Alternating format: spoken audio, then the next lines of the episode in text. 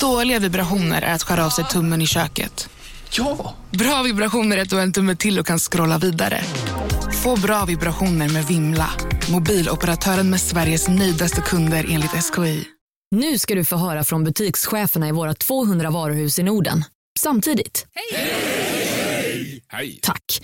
Jo, för att med så många varuhus kan vi köpa kvalitetsvaror i jättevolymer. Det blir billigare så. Byggmax. Var smart. Handla billigt. Välkommen till Unionen. Hej! Eh, jo, jag ska ha lönesamtal och undrar om potten. Ja, om jag kan räkna med övertidsersättning för det är så stressigt på kontoret jag jobbar hemma på kvällarna så kan jag då be om större skärm från chefen för annars kanske jag säger upp mig själv. Och hur lång uppsägningstid har jag då? Okej, eh, vi börjar med lön. Jobbigt på jobbet. Som medlem i Unionen kan du alltid prata med våra rådgivare.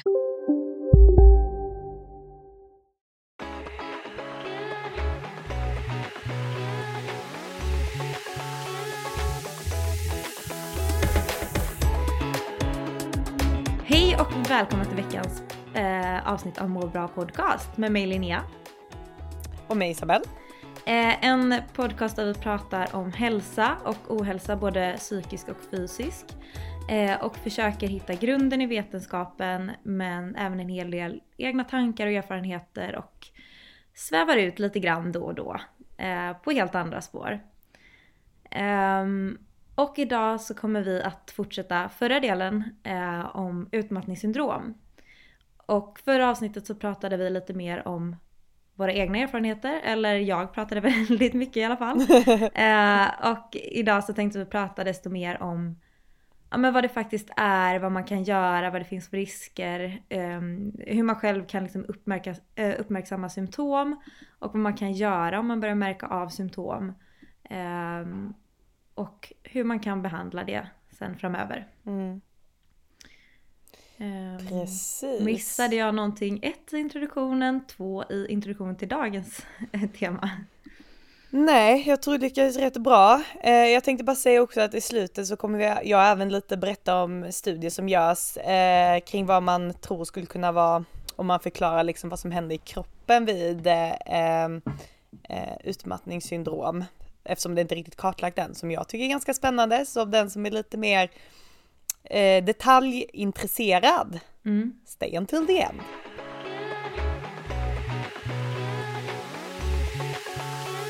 Jag måste bara kommentera det till förra avsnittet, jag lyssnade lite på det. Alltså jag var ju så fruktansvärt trött när vi spelade in förra avsnittet. Ja men du vet, ja, Och man hör verkligen det. Jag tycker det är så kul när vi pratar om egna erfarenheter och utmattning. Så de bara ja, jag känner mig aldrig stressad. Nej.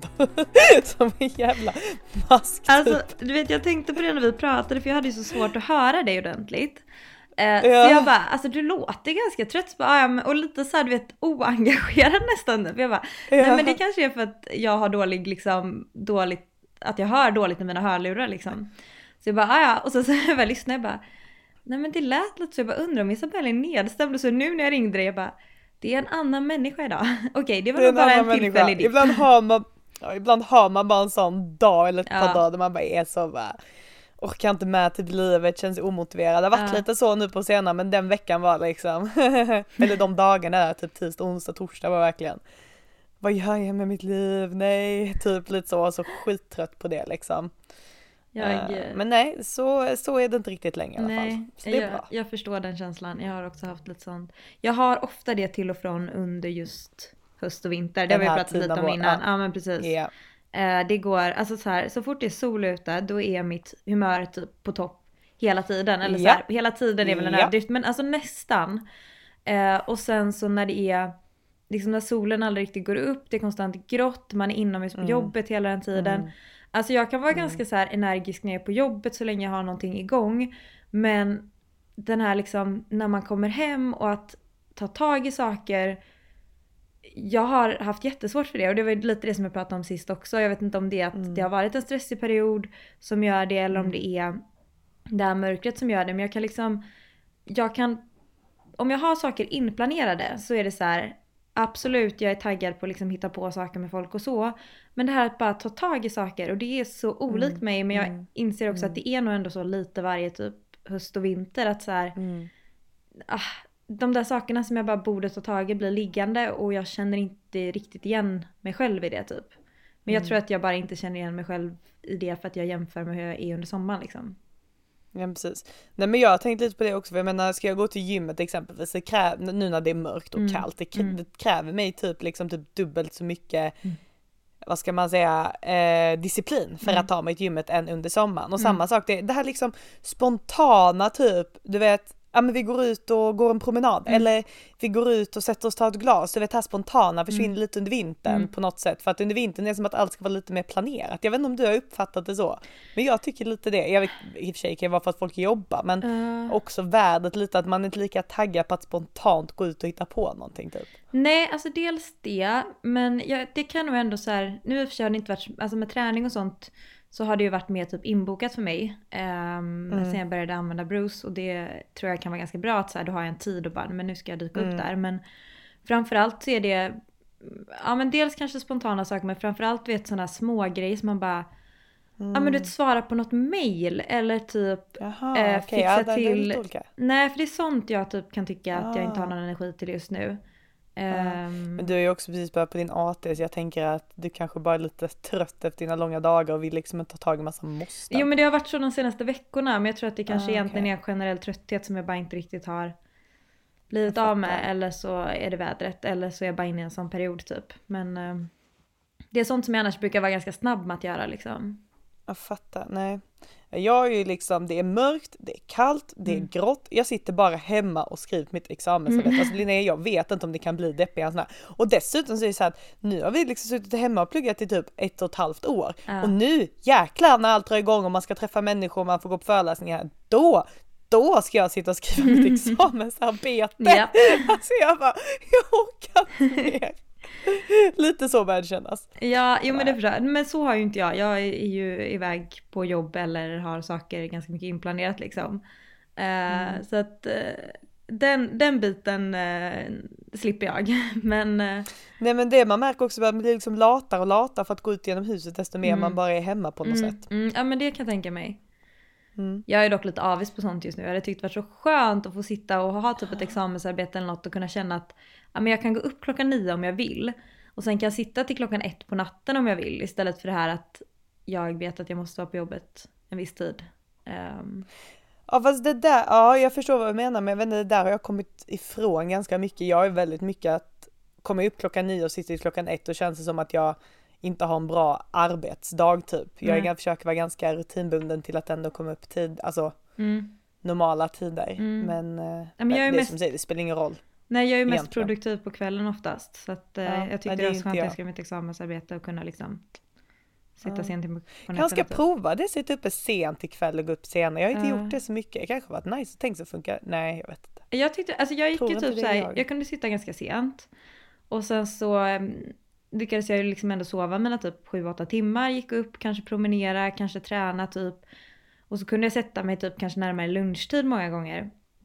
Eh, och så satt jag ett litet Mm. Tag och så gjorde jag något och sen så satt jag sent in på kvällarna.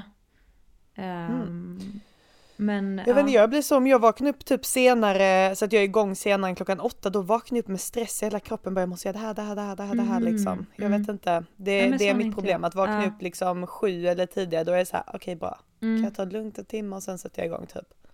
Nej men jag är nog mer, ehm, jag tycker det är rätt skönt. Just också för att jag Mm. vet att jag är ganska produktiv på kvällen.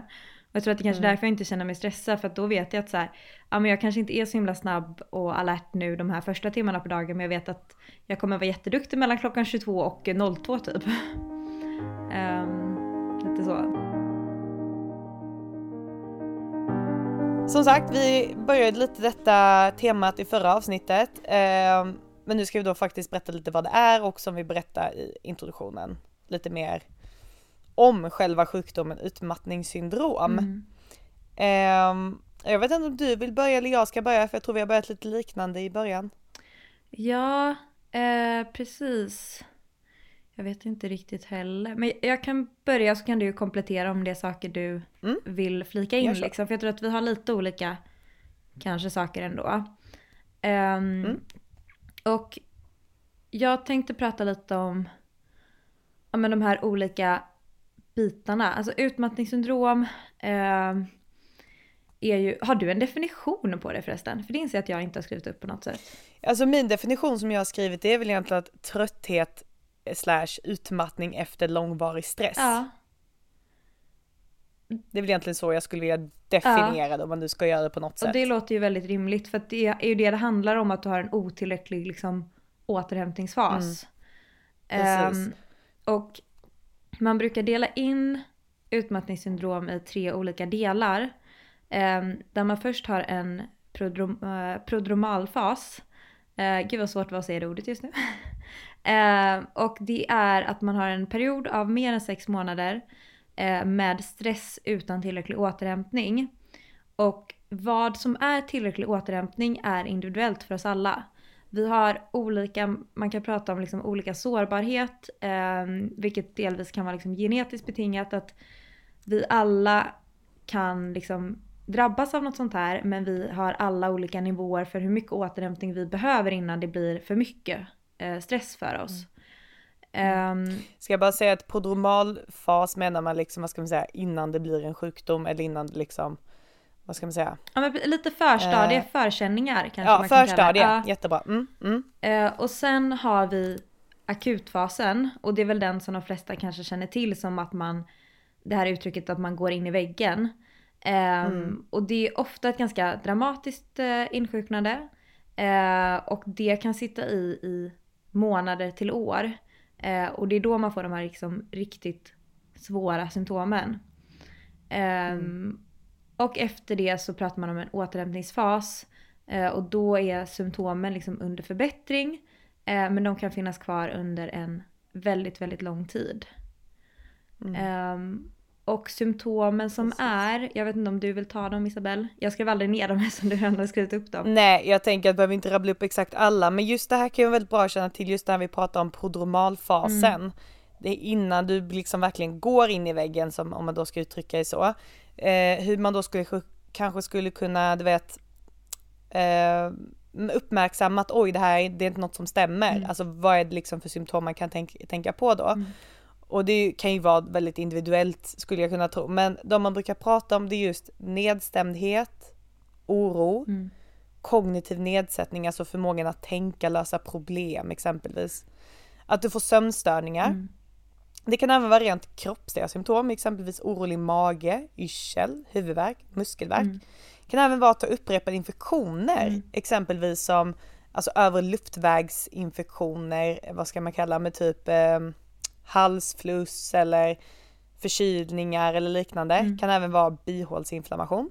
Eh, och jag läste faktiskt någonstans, jag vet inte riktigt för det, det står ju någonstans i en artikel att detta i sig skulle kunna vara anledningen till, eh, till utmattningssyndrom, alltså att man har fått en stress på kroppen i form av en infektion så att inflammationen inte riktigt klarar av det typ. Att det är det som skulle kunna vara orsaken till stressen istället för rent Alltså med grejer som händer runt omkring en, mer psykologiska. Men jag, jag Eh, tänker att det kanske, eller jag har inte läst om studierna men jag tänker att eh, oavsett om det är liksom infektioner så tänker jag att har du liksom upprepade infektioner av någon anledning så kan ju det ta väldigt mycket på energin. Det kan också ta på psyket i form av att du kanske inte kan liksom göra de sakerna som du har tänkt göra jobbmässigt, socialt, träningsmässigt.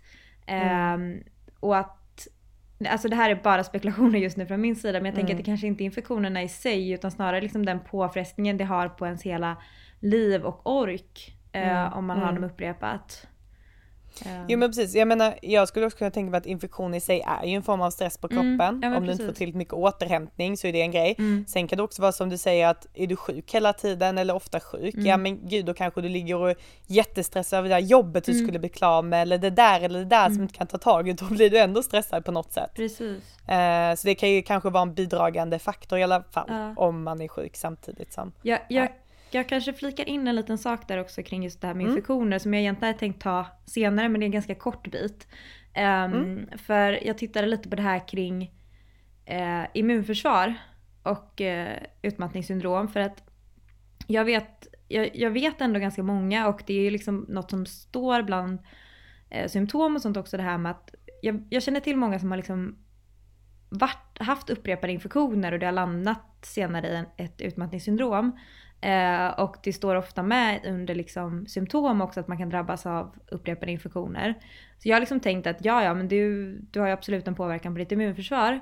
Eh, mm, mm. Men jag har försökt leta efter artiklar kring det och det, de jag hittar, bland annat ändå från 2019 en artikel, så det finns egentligen inget liksom konklusivt kring immunförsvar och stress.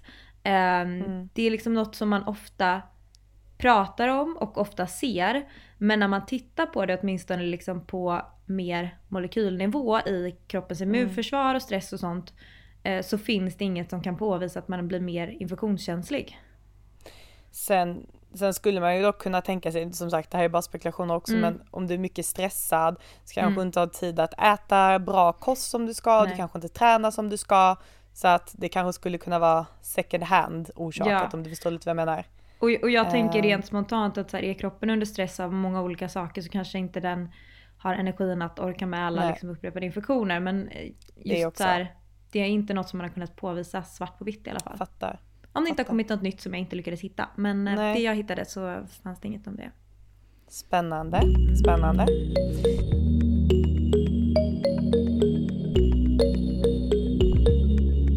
Sen då när du väl får den akuta fasen som Linnea berättar om när du får, går in i väggen helt enkelt. Mm. Då upplever du ju en väldigt stor trötthet, utmattning, som sagt kognitiv nedsättning, du kan inte tänka lika bra, du löser inte problemen lika bra du blir väldigt känslig för stress. Du har mm. tappat liksom din form av skydd mot stress. Varenda små grej kan göra dig jättestressad. Återigen sömnstörningar, de här kroppsliga symptomen med huvudvärk, yrsel, orolig mage, illamående, bröstsmärtor kan du få yrsel och muskelvärk. Mm. Eh, så det är väl liksom de som är de stora som man brukar prata om. Mm. Eh, sen finns ju som sagt ett väldigt stort spektrum av liksom mm. den nivå, den, i den grad du får eh, ett utmattningssyndrom, allt från väldigt lindrig till väldigt allvarlig.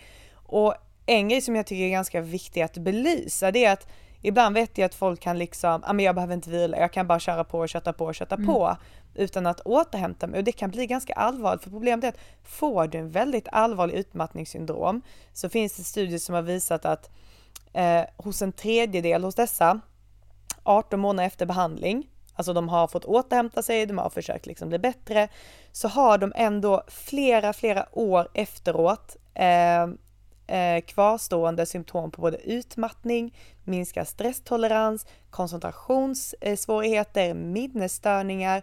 Så att det här kan liksom bli Alltså det kan verkligen skada din hjärna med andra mm, ord. Så mm. att jag tycker verkligen att man ska inte ta den här så lätt som jag tycker att folk ofta kanske, inte alla såklart, men många kanske mm. ser på det liksom. Att många kanske tycker att det är mer flum och inte en riktig grej. Lite så. Mm. Jag tycker verkligen man ska vara försiktig för, om sig själv. Ja. Rädd om sig själv. Ja men precis och det, det är ju som vi pratade om innan, så här, det är också så svårt för att för vissa kanske man kan köra på hur mycket som helst. Mm. Eh, och vissa behöver lite mer återhämtning emellan för att inte hamna där. Mm. Eh, sen tänker jag något som kan vara svårt också är att det kan ju ändå vara lite så diffusa symptom, lite svårt att förstå vad den där konstiga oron eller liksom konstiga sakerna mm. som man mer kanske har somatiska symptom, alltså huvudvärk och orolig mag. Alltså så här, det kan vara svårt att förstå ibland för en själv. Speciellt när man är i det tror jag att det är väldigt svårt att koppla det till att det är stressorsakat. Mm. Um, och sen får ju alla lite så här, det är ju inte alla som hamnar in, alltså de kan ju få en akut fas utan det här klassiska gå in i väggen. Men för en del är det ju verkligen som man från en dag till en annan, eller inte en dag till en annan men liksom helt plötsligt kan man typ inte, man orkar inte ta sig upp ur sängen eller man kan mm. liksom inte minnas någonting eller liksom så. Eh, men det där akuta insjuknandet ser ganska olika ut för folk också. Mm. Eh, och även liksom prodromalsymptomen. Jag tror att det kan vara göra det ganska svårt ibland för folk att mm. uppmärksamma. Och att man nog gärna blundar för det. Eh, när det gäller en själv. Verkligen. Nej men det är en det är en ganska jobbig, jobbig grej men ja, mm. nej men precis som du säger. Och en grej till man kan nämna där det är liksom att det är ganska vanligt just med utmattningssyndrom i kombination med antingen nedstämdhet mm. eller ångest, alltså typ mm. depression mm. eller ångest. Mm. Och det gör ju inte hela grejen varken roligare eller lättare om man säger så. Nej. som vi har diskuterat lite Linnea, det här liksom med jag tror vi nämnde lite det i förra avsnittet, det här liksom med att personer som är väldigt perfektionistiska av dig, mm. säg. Att allt måste vara perfekt hela tiden, att det är en predisponerande faktor. Alltså mm. att man kanske ser att det är fler människor som är perfektionister som faktiskt får den här sjukdomen. Mm. Eh. Och andra sådana liksom risker, om man ska kalla det, eller personlighetsdrag eller så som kan påverka. Eh, det är också det här med prestationsbaserad självkänsla. Um, vilket jag tyvärr kanske själv är ganska Oj, mycket så. Oj, gud vad jag kände igen mig nu ja, jag bara, och jag, jag vet många av mina bara, vänner som är det mm. också att man liksom lägger väldigt mycket av sin självkänsla i prestationer. Gud, ja. Det är också något som tyvärr liksom ökar risken för utmattningssyndrom och jag tänker att det är för att man liksom driver på sig själv i alla sina prestationer och man lägger väldigt mycket vikt vid när det inte går dåligt, eller när det inte går bra och när det går dåligt. Um, och andra saker som kan påverka eller bidra är um, ja, stress, säger ju sig självt, um, och hög arbetsbelastning. Uh, men även så nämns oförverkligad jämställdhet i förhållanden. Alltså att man liksom lever i en obalans och inte riktigt känner att det är jämnt. Typ. Det är också liksom någonting mm. som påverkar risken för utmattningssyndrom. Och jag tänker ja. att det är väl mycket stressen i det också kanske. Absolut. Absolut. Och problemet lite med den här sjukdomen det är ju liksom som många andra psykiska sjukdomar att man Alltså diagnosen är ju egentligen bara Alltså man pratar Uppfyller man vissa kriterier utifrån mm. man säger så får man den här diagnosen. Vi har mm. liksom inga bra eh, blodprov man kan ta för att liksom sätta diagnosen eller andra undersökningar på det sättet. Och det är oftast då att då har man kanske inte heller en superbra behandling. Alltså man har inget läkemedel direkt man kan ge Eh, visst om du har kombination med nedstämdhet eller ångest då kan man ju ge medicin mot dem. Men mm. annars handlar det mycket om att vara sjukskriven, återhämta sig, ta det lugnt. Mm. Eh, vissa fall KBT. Mm. Eh, men annars så finns det inte så jättemycket mer behandling. Eh, och det kan ju som sagt vara ett väldigt långdraget förlopp. Mm. Så att eh, det är liksom, det, this is a tricky one om man säger så. Och jag tänkte vi kunde gått in lite på det sen men vi kan ju ta det nu också. Alltså något som också liksom är bra. Nu ska, vet du vad? Jag ska bara dra fram här så att jag inte säger fel men jag är rätt säker på det. Träning mm. vill jag nämna. Mm.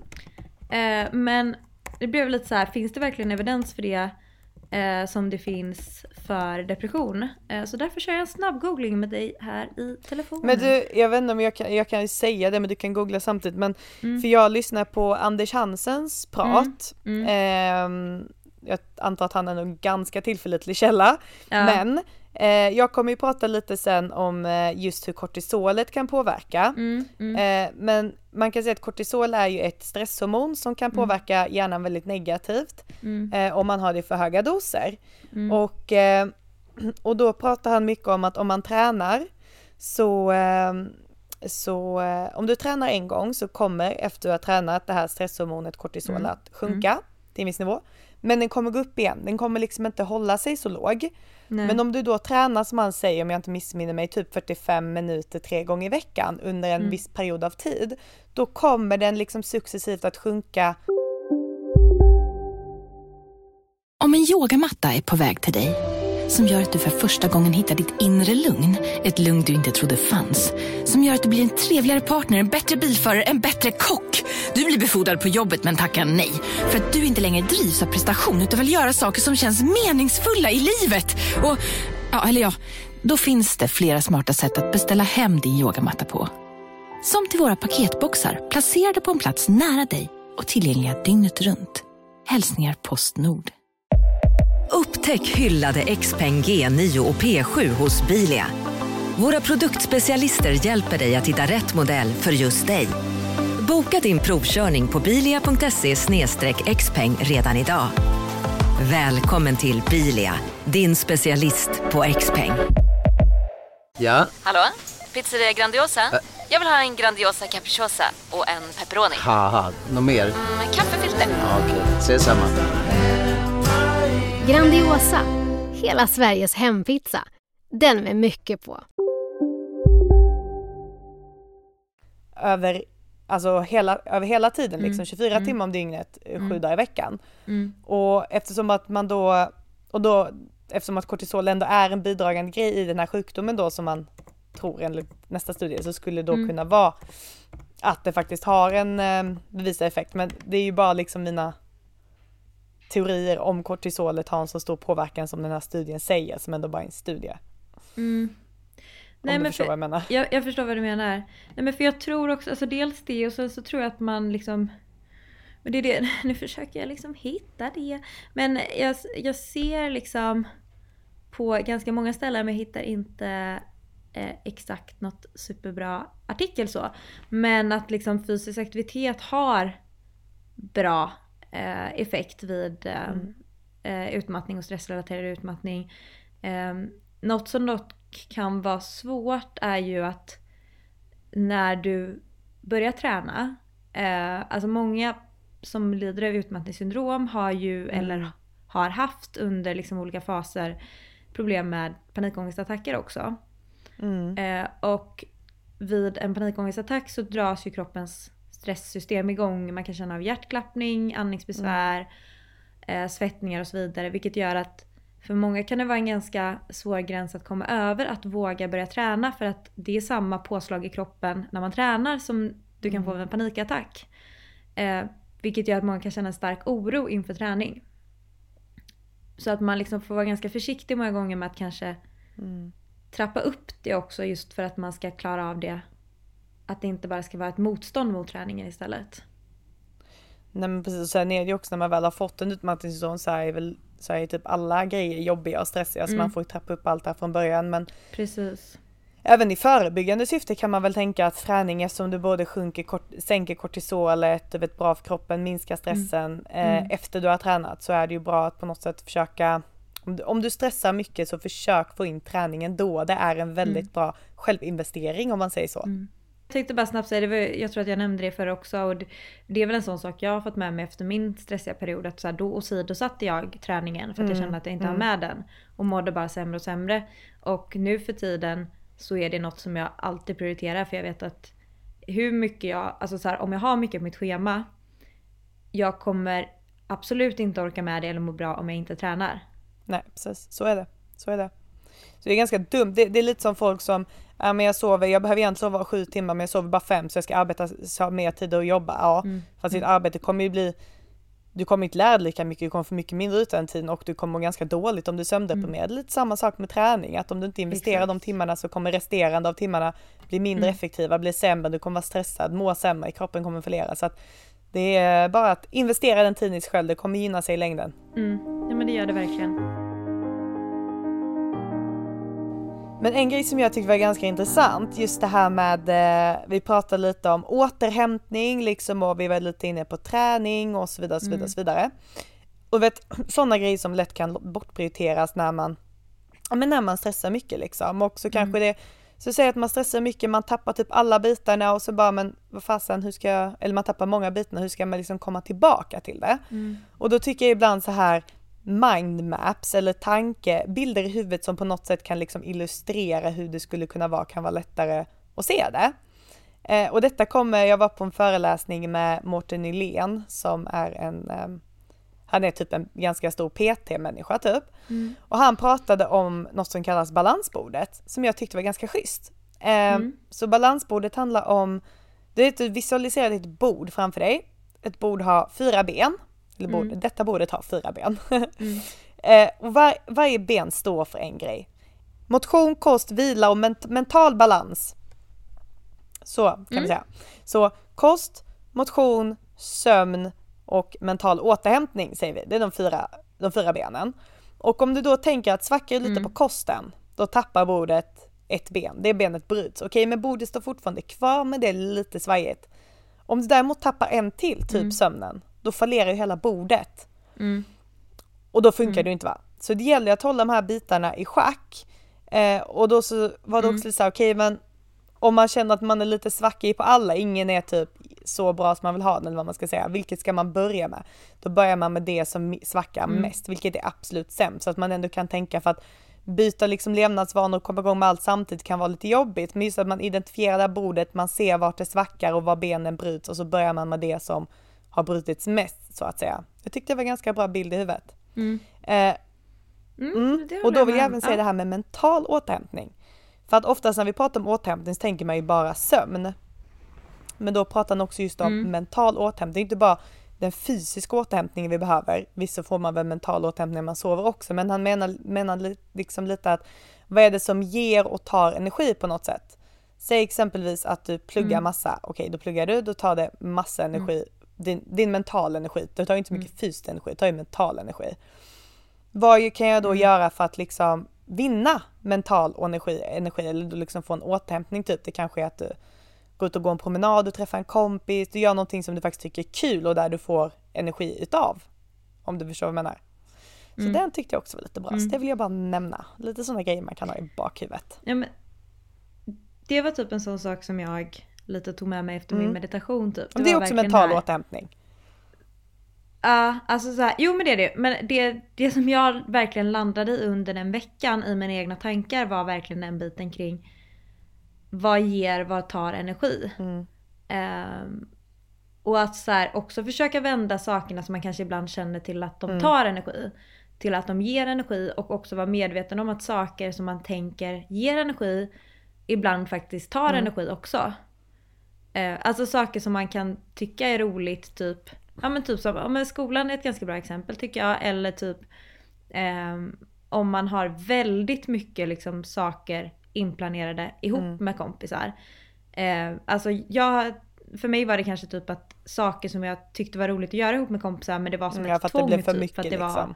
Nej men saker som var roligt men kanske inte fullt mina villkor utan det kändes lite som ett tvång. Då var det från början något som jag trodde gav energi men Mm. det tog energi insåg jag efter ett tag. Och samma sak typ så här, skolan kunde i perioder vara något som jag tyckte gav energi för att det var roligt. Men i vissa perioder så Mm, tog det mest energi. Ehm, och att lite vara medveten om, om vad som ger Ja, och vad som tar energi för Men jag kan tycka så ibland om jag typ sitter hemma och pluggar och så är jag skittrött en fredag, verkligen bara vill vara hemma och ta, sova typ eller bara Mm. ta det lugnt, sitta och Mm. kolla någon serie eller bara Mm. och det är så här, nej men så kanske några kompisar ska käka middag eller någonting, jag bara nej jag orkar inte, jag är så trött, nej nej nej jag orkar inte och så bara nej vet du vad, gå ut och gör det, du vet att det kommer, det kommer liksom, det kommer bli kul och sen Mm. dagen efter Även om jag inte har varit hemma och vilat utan faktiskt varit ute och träffat kompisar så kan jag vakna upp mycket gladare, mycket piggare, mycket mer energi. För att det har gett Mm. mig så mycket mer energi att gå ut och träffa någon än att bara ligga hemma. Precis. Så det är som du säger väldigt viktigt att identifiera. Ja men för vad som är för en själv liksom. Och också vad som är för en själv i Mm, olika mm. perioder typ. Verkligen.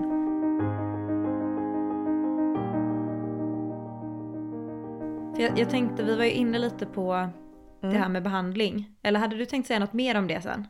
Nej, inte direkt. Men du kan gärna fördjupa dig. För jag, jag, jag kan bara fördjupa in, eller inte jättemycket men lite mer Mm. strukturerat kanske typ. För att jag tog fram lite internetmedicin. Ehm, och tänkte som vi ändå pratat lite om det kändes som att det var rimligt att ta det Mm. innan vi går vidare.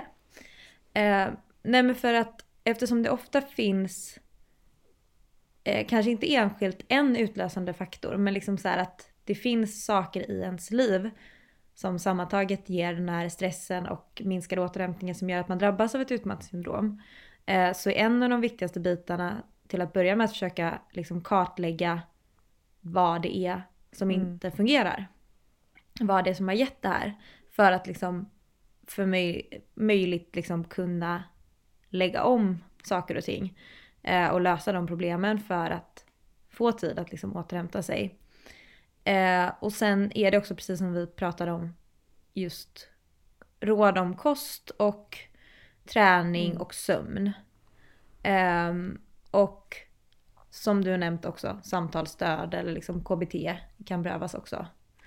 Um, egentligen behövde vi kanske inte ha med den här biten för jag insåg att så här, nu sa vi allting men jag ville bara dubbelkolla att vi sa saker som stämde.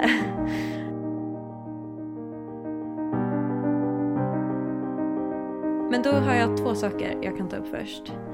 Eh, och den ena jag tänkte ta upp är diagnoskriterier. Eh, jag vet inte om det är sånt som folk tycker är så intressant men jag tycker att det säger väldigt mycket om symptomen Mm. man ska vara uppmärksamma på.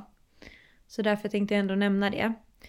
Eh, och det som är är att man ska ha fysiska och psykiska eh, symptom på utmattning i över två veckor.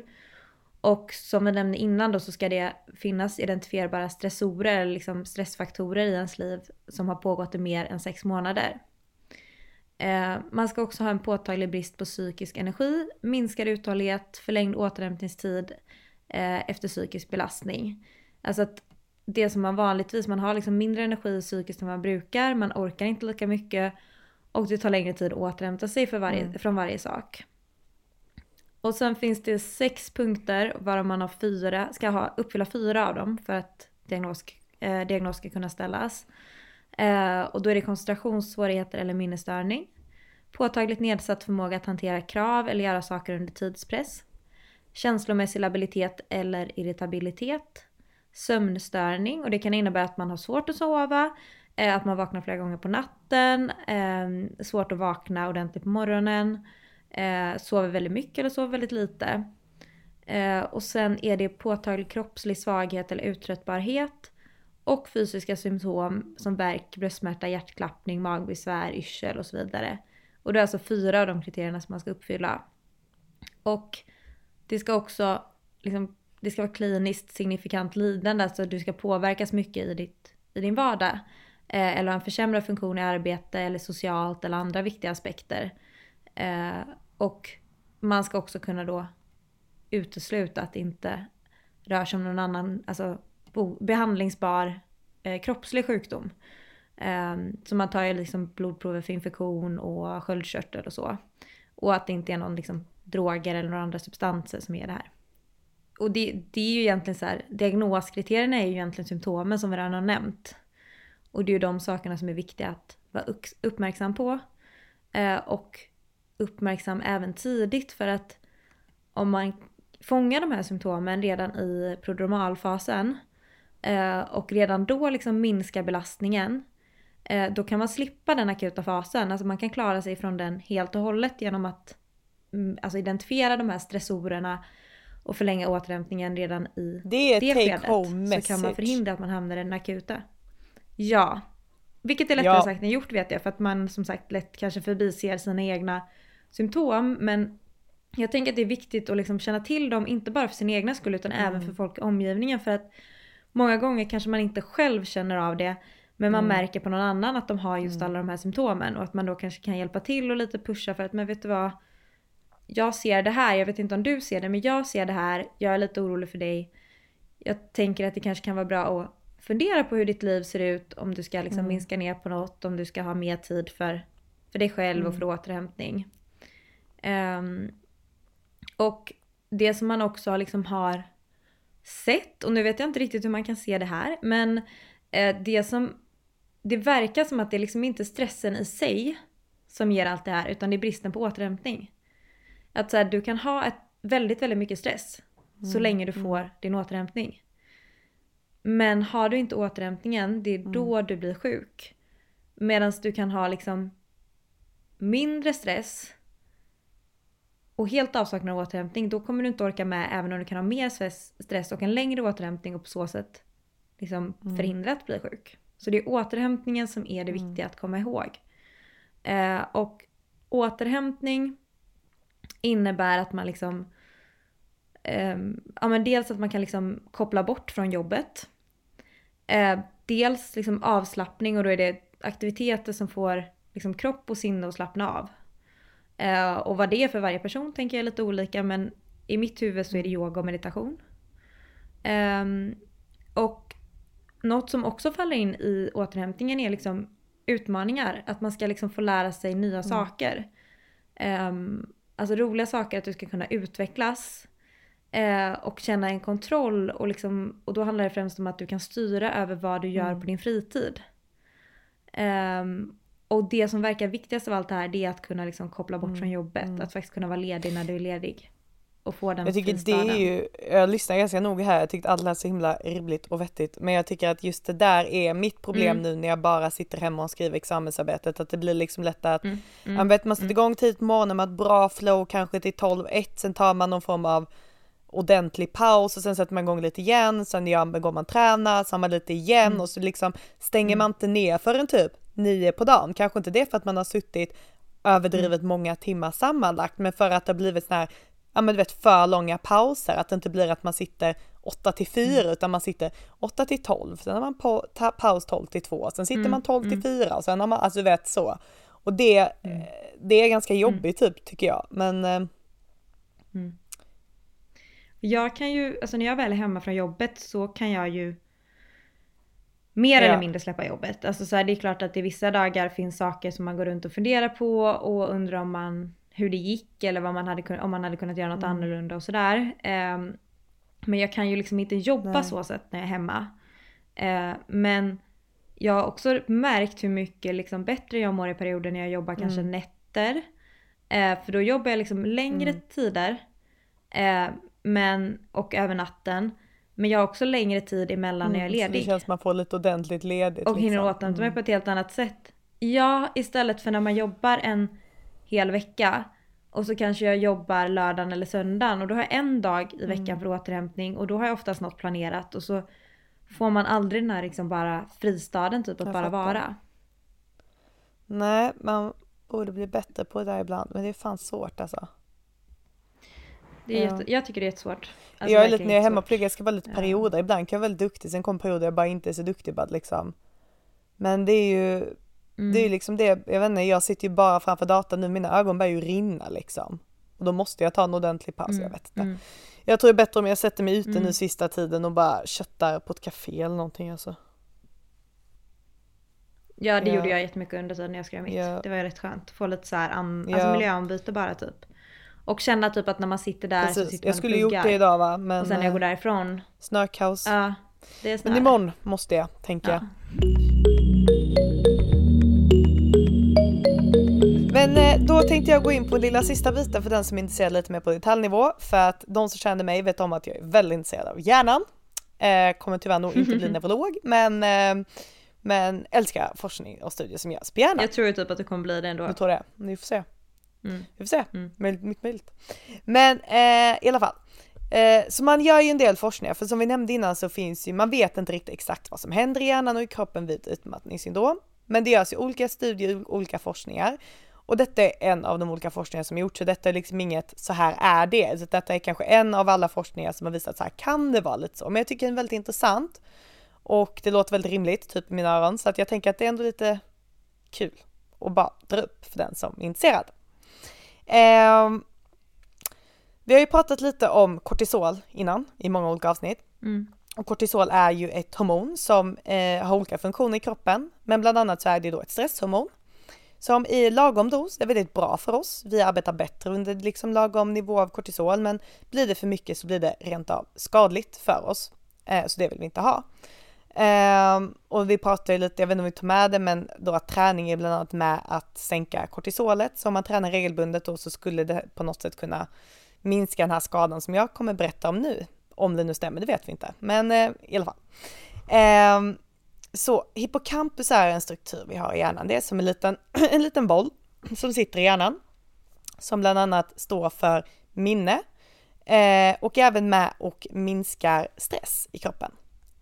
Och då låter det ganska rimligt när ni hör det, mm, de här stora, de här bitarna är ju faktiskt med i symptomen vad gäller utmattningssyndrom. Och då skulle man kunna tänka sig att den skulle kunna vara involverad. Och det är precis det som den här studien beskriver. Eh, och då menar man egentligen att man av liksom en långvarig stress, då man har ett högt nivå av kortisol, så blir kortisol faktiskt skadligt på eh, den här hippocampusstrukturen som gör att den blir mindre och krymper. Vilket är dåligt för då får du ett sämre minne och du blir ännu känsligare för stress. För att hippocampus i sig är nämligen med och eh, minskar stresspåslaget i, i stresssystemet så att kortisolet minskar. Men om inte den kan säga till, nej stopp, mindre med kortisol, då kommer kortisolet fortsätta vara högt och det kommer fortsätta att skada din hippocampus. Och därav de här symptomen. Så detta är, mm. utan att liksom gå in för, läng för detaljerat eller för noga, så menar jag bara detta är liksom en av de forskningar man har gjort som liksom tyder på att hippocampus skulle kunna vara en viktig del tillsammans med kortisolet då i eh, det här skapandet av eh, utmattningssyndrom. Och det var ganska intressant för att jag fick reda på den här studien för många år sedan och då gick jag fram till en av våra och gick jag fram och snackade med honom och han bara, ja du vet lite så här halvt intresserad. Eh, och så jag bara, så jag bara, men om den blir så liten, de, den här kan ju ändå, för den här är nämligen dynamisk den här strukturen så den kan både bli mindre och större. Eh, kan det inte bli Mm. större då? Han bara, ja jo det kan det ju. Jag bara, men, men hur lång tid kan det ta? Han bara, ta, det kan ta flera år eller vad han sa, väldigt lång tid i alla fall. Mm. Men, eh, men jag tycker bara det är en väldigt intressant point of view när man kan koppla ihop det psykiska med det fysiska. Eh, Ja. För att inte göra, för de som kanske tänker att det är en väldigt liksom flummig, abstrakt sjukdom, så ja det är ju det för att vi inte kanske har all information. Vi vet inte, vi kan inte allting. Men här är en av de teorierna som skulle kunna vara inkopplad för att faktiskt göra det mer praktiskt eller mer Mm. visuellt förklarat vad som händer i kroppen typ. Så, eh, Men så är det ju med ganska många, alltså många, ganska många av de psykiatriska diagnoserna. Mm. Att så här, vi har kanske ett hum typ om hur det skulle kunna fungera eller liksom Mm. vad vi kanske har brist på men vi vet inte riktigt hur det fungerar men vi vet till viss del vad vi kanske kan göra och så är det lite olika olika diagnoser kanske vi har lite mer eller mindre koll på liksom. Mm. Men jag tror att det med mycket sånt här känns också svårt just för att man inte kan mäta. Alltså att, Precis. att det är diagnoskriterier, liksom, eller diagnos... Kriteriediagnoser säger man kanske. Ehm, att det liksom inte är ett blodprov som man tar. nej precis. Eh, men det finns liksom ofta någon teori åtminstone kring hur det hela funkar men ibland vet vi inte riktigt. Nej. Men lite min liksom, som du säger, lite min liksom anledning varför jag valde att ändå ta med detta var just det för att, som jag säger, att bara för att man inte vet allt inom många psykiska sjukdomar så betyder inte att det, alltså det är ju någonting i kroppen som händer, liksom du får ett sår Precis. som du kan se och du kan säga det här är ett sår, så är det någonting som händer i kroppen som också kan beskrivas liksom rent eh, som, ett, som ett sår fast på ett, på ett annat sätt då liksom. Men bara att vi inte Mm. vet. Eh. Och det blir inte mindre riktigt för att vi inte vet på något sätt.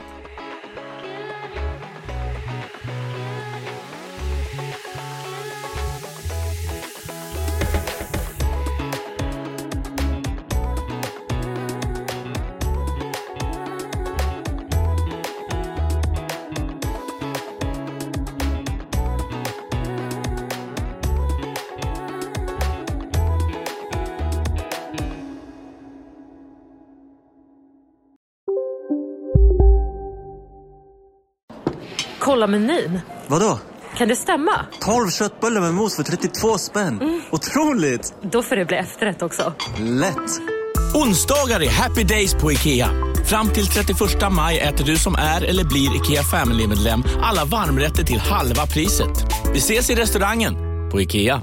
Hej, Susanne Axel här. När du gör som jag och listar dig på en av Krys vårdcentraler får du en fast läkarkontakt som kan din sjukdomshistoria. Du får träffa erfarna specialister, tillgång till lättakuten och så kan du chatta med vårdpersonalen. Så gör ditt viktigaste val idag, lista dig hos Kry. Upptäck det vackra ljudet av McCrispy Company för endast 89 kronor. En riktigt krispig upplevelse. För ett ännu godare McDonalds.